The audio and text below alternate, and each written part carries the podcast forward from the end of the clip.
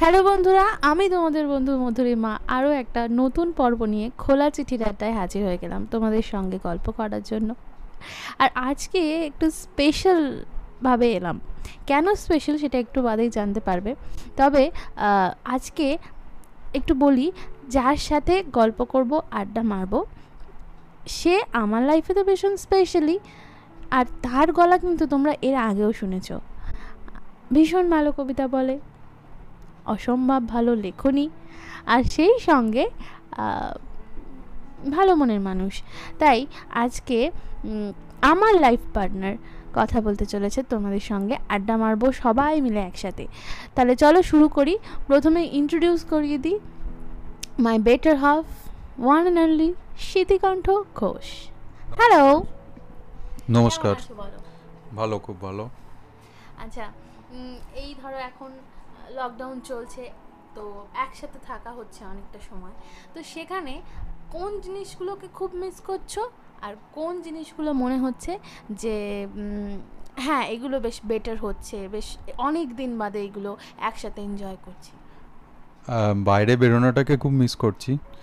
আর একসাথে থাকা তো হচ্ছে অবশ্যই, বাড়িতে একসাথে সবাই মিলে খাওয়া যেটা একদমই হতো না, অফিস থাকলে বাবা, মা, সবাই।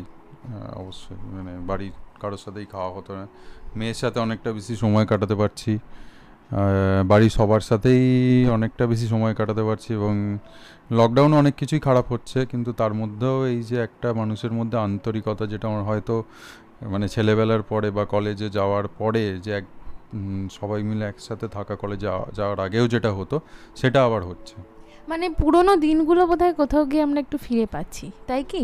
হ্যাঁ চাকরি জীবনের ব্যস্ত হয়ে যাওয়ার থেকে বেরিয়ে যেটা হতো যে আগে হয়তো কখনোই বিকেল দেখা হতো না সূর্য ডোবা দেখা হতো না বা সূর্য সকালে সূর্যোদয়ও দেখা হতো না সেটা এখন দেখা হচ্ছে। হ্যাঁ এখন অনেক বেশি লাইফ ফাস্ট যেটা ছিল, সেটা মানে খুব ফাস্ট মুভ হতো। মনে হতো যে এই সকাল হলো, সারাটা দিন একটা ভীষণ কর্মব্যস্ত শিডিউল তারপরে এসে রাতে কোনো রকমে খেয়ে দে আবার পরের দিনের জন্য প্রস্তুতি। এটাই একটা কোথাও গিয়ে বোধ আমরা এগুলোর মধ্যেই স্টাক হয়ে গেছিলাম। সেটা থেকে বোধ হয় লকডাউন বেরোতে হয়তো গৃহবন্দী করেছে, কিন্তু এই একই রুটিন থেকে বোধ কোথাও গিয়ে আমরা লকডাউনে একটু ফ্রি হতে পেরেছি।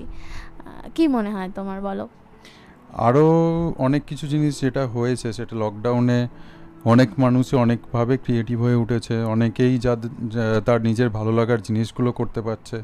সেটা যেভাবেই হোক সেটা কোনো কিছু বিজনেস পারপাসে না হয়েও খুব সাধারণ কিছু জিনিস যেটা হয়তো করলে তার মন ভালো থাকছে সেই সব জিনিস করছে। পড়াশোনাও করছে সবাই অনেক বই পড়ছে। তো কোথাও একটা ছন্দে ফিরে আসার ব্যাপার হচ্ছে। মানুষের মধ্যে অনেক বেশি ক্রিয়েটিভিটি বোধহয় বাড়ছে। মানে একা থাকাটা বা এই যে বাড়িতে থাকাটা কোথাও গিয়ে বোধহয় মানুষকে অনেক বেশি ক্রিয়েটিভ করে তুলছে। যেটা মানুষ ছিলই, কিন্তু সেই প্রকাশটা ছিল না।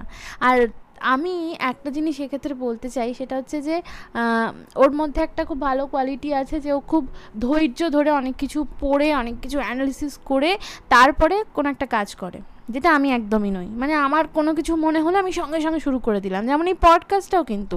আমি সঙ্গে সঙ্গে মনে হয়েছিল, যেদিন মনে হয়েছিল শুধু দুপুরবেলা কি কি, কোন সাইটে কি করব সেটা একটু দেখে শুরু করে দিয়েছিলাম। তবে সেটা ভালোই হয়েছে হয়তো।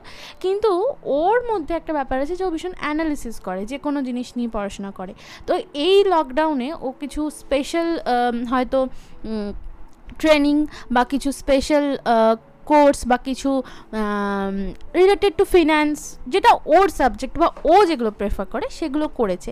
তো আমি একটু ছোট্ট করে জানতে চাইব যে একটা মানুষ যদি তার জীবনে সঞ্চয় করতে চায়, তো তাকে কোন সময় থেকে একটু প্রিপেয়ার্ড হতে হবে? আর কিরমভাবে সে এই শুরুটা করতে পারে?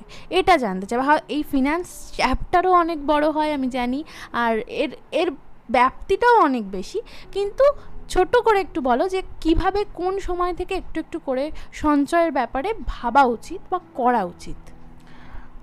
যখনই মানুষ স্বাবলম্বী হয়ে উঠবে, যখনই সে তার কর্মজীবন বা তার ব্যবসা যেভাবেই হোক, যখনই সে রোজগার করতে শুরু করল তখনই প্রথম দিকে যেটা আমাদের হয়, অনেক কিছু আমাদের আকাঙ্ক্ষা থাকে, অনেক কিছু ভালো লাগার জিনিসপত্র থাকে অনেক কিছু জিনিসের আমাদের ছোটোবেলা থেকে অনেক আশা, আকাঙ্ক্ষা থাকে। তো সেই জিনিসগুলো যেটা আমার ক্ষেত্রেও হয়েছে সেগুলো কেনা এবং প্রথম দিকে একটু সঞ্চয়ের থেকে আমরা সরেই যাই। কিন্তু আমি বলব ঠিক আছে, সঞ্চয়টা না হলেও প্রথম ইনিশিয়াল এক, দু বছরে আমাদের যেটা করা উচিত সেটা হচ্ছে আমাদের আগে সবসময় প্রথমে নেওয়া উচিত হেলথ ইন্স্যুরেন্স যেটা আমাদের প্রত্যেককে অবশ্যই নেওয়া উচিত। এই সিচুয়েশনে আমার মনে হয় সেটা ভীষণভাবে কাজে লাগবে। হ্যাঁ একদমই তাই। এই এই সিচুয়েশনে বা যে কোনো সিচুয়েশনেই তার শারীরিক কারণের জন্য মানে হ্যাঁ, তার যাতে তাকে তার নিজের সেভিংসটাকে সঞ্চয়টাকে কখনোই হাত দিতে না হয় তার জন্যই কিন্তু আমাদের হেলথ ইন্স্যুরেন্স নেওয়া উচিত। আর তার সাথে সাথে যদি বলো যে অন্য সঞ্চয় এটা তো গেল একটা প্রাইমারি একটা প্রত্যেকের দরকার, আমার মনে হয়। এছাড়াও যে ধরো একটু সেভিংসে মানে যে বোঝে না ব্যাপারগুলো, হয়তো একদমই তার ইন্টারেস্ট নেই, ঠিক আছে, ওই ব্যাংকে টাকা জমছে, জমুক। বাট সেখানে কোথাও গিয়ে হয়তো কিছু কিছু জিনিস ইন্স্যুরেন্স করা উচিত বা কোনো ইনভেস্ট করা উচিত, হয়তো তার ছেলে মেয়ের জন্য করা উচিত। তো সেইগুলোর জন্য কি, কবে থেকে কীরমভাবে একটা স্টাডি করা উচিত বা ভাবনা চিন্তা করা উচিত? প্রত্যেকেরই একটা নিজস্ব গোল থাকে। তো সবার যেটা করা উচিত তার নিজস্ব যে যে কী কী তার ফিউচার এক্সপেন্ডিচার হতে পারে। বেসড অন দ্যাট বা ফিউচার এক্সপেন্ডিচারটা তার কত হতে পারে, সেটা প্রথমে তাকে ডিটারমাইন করতে হবে এবং সে সেটা দেখে ঠিক করতে হবে যে তার কাছে কতটা সময় আছে সেই টাকাটাতে মানে পৌঁছানোর জন্যে এবং সেইভাবে তাকে এখন থেকে সেই অনুপাতে সঞ্চয়টা করতে হবে। আচ্ছা। তার মানে আমাদের আয় বুঝে প্রথমত ব্যয়টা করতে হবে, তারপর আমরা কতটা সেটা থেকে সঞ্চয় করতে পারি সেই বুঝে আমাদের আগামী দিনে এগোতে হবে। এটা একটা মোটামুটি কনক্লুশন পাওয়া গেল তোমার কথা শুনে।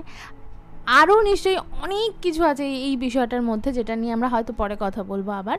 তো আজকে আমি যেহেতু তোমাকে পেয়েছি তাই আমার মনে হলো আর একটা জিনিস আমি যদি শেয়ার করি বা সবাই সবার সাথে যদি শেয়ার করি সেটা বেটার হয়। সেটা হচ্ছে যে এই যে ধরো আমি পডকাস্টিং শুরু করলাম একটা সময় গিয়ে আমার মনে হলো যে কিছু করা উচিত।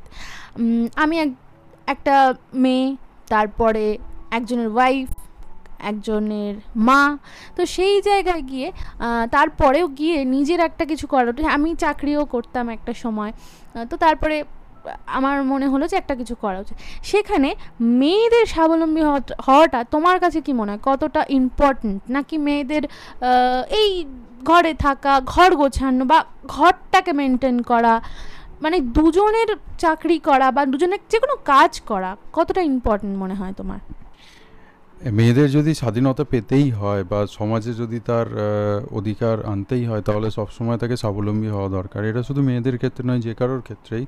সে যদি না নিজের নিজের জিনিসটা তার যদি না নিজে না চালাতে পারে, নিজের ব্যয়টা সে যদি না নিজে করতে পারে, তাহলে কখনোই সে স্বাবলম্বী নয়।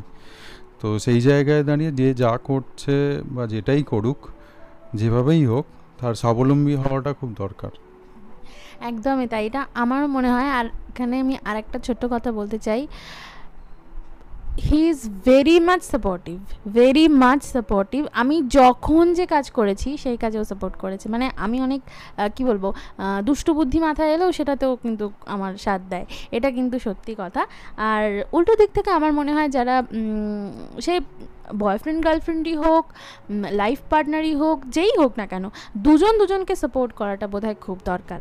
আর এখন এরকম একটা সিচুয়েশনে প্যান্ডেমিক সিচুয়েশনে যখন আমরা দুজনে একসাথে মানে বাড়িতে আছি, অনেকটা সময় কাটাচ্ছি, তাই মনে হলো যে তোমাদের সঙ্গেও আমাদের এই কিছু কথা, মনের কথাগুলো শেয়ার করে নেওয়া খুব দরকার।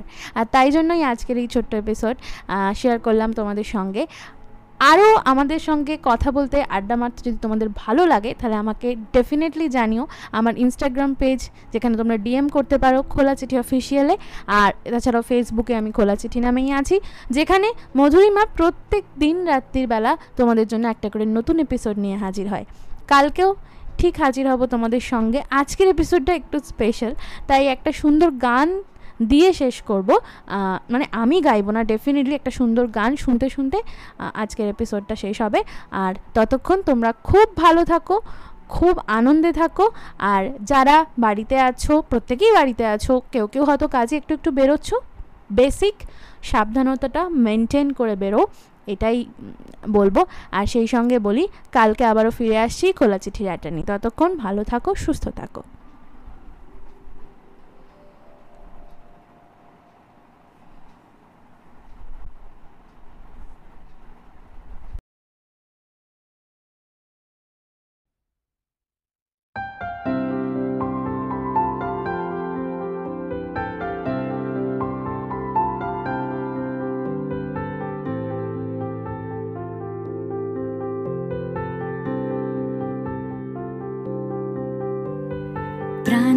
দিতে চাই, মন দিতে চাই, সবটুকু ধ্যান সারাক্ষণ দিতে চাই তোমাকে।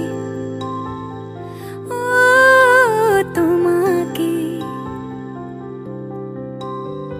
স্বপ্ন সাজাই, নিজেকে হারাই, দুটি নয়নে রোজ নিয়ে শুতে যাই তোমাকে।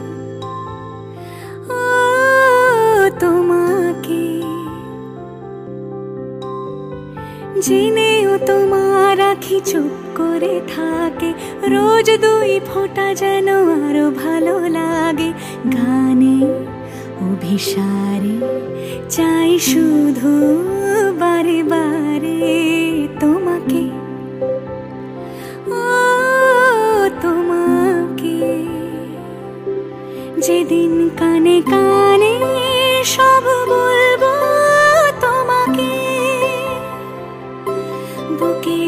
মাঝে চাপতে জড়িয়ে ধরব তোমাকে। পথ চেরই, দেরি করো না যতই, আর ভোলা যাবে না জীবনে কখনোই তোমাকে।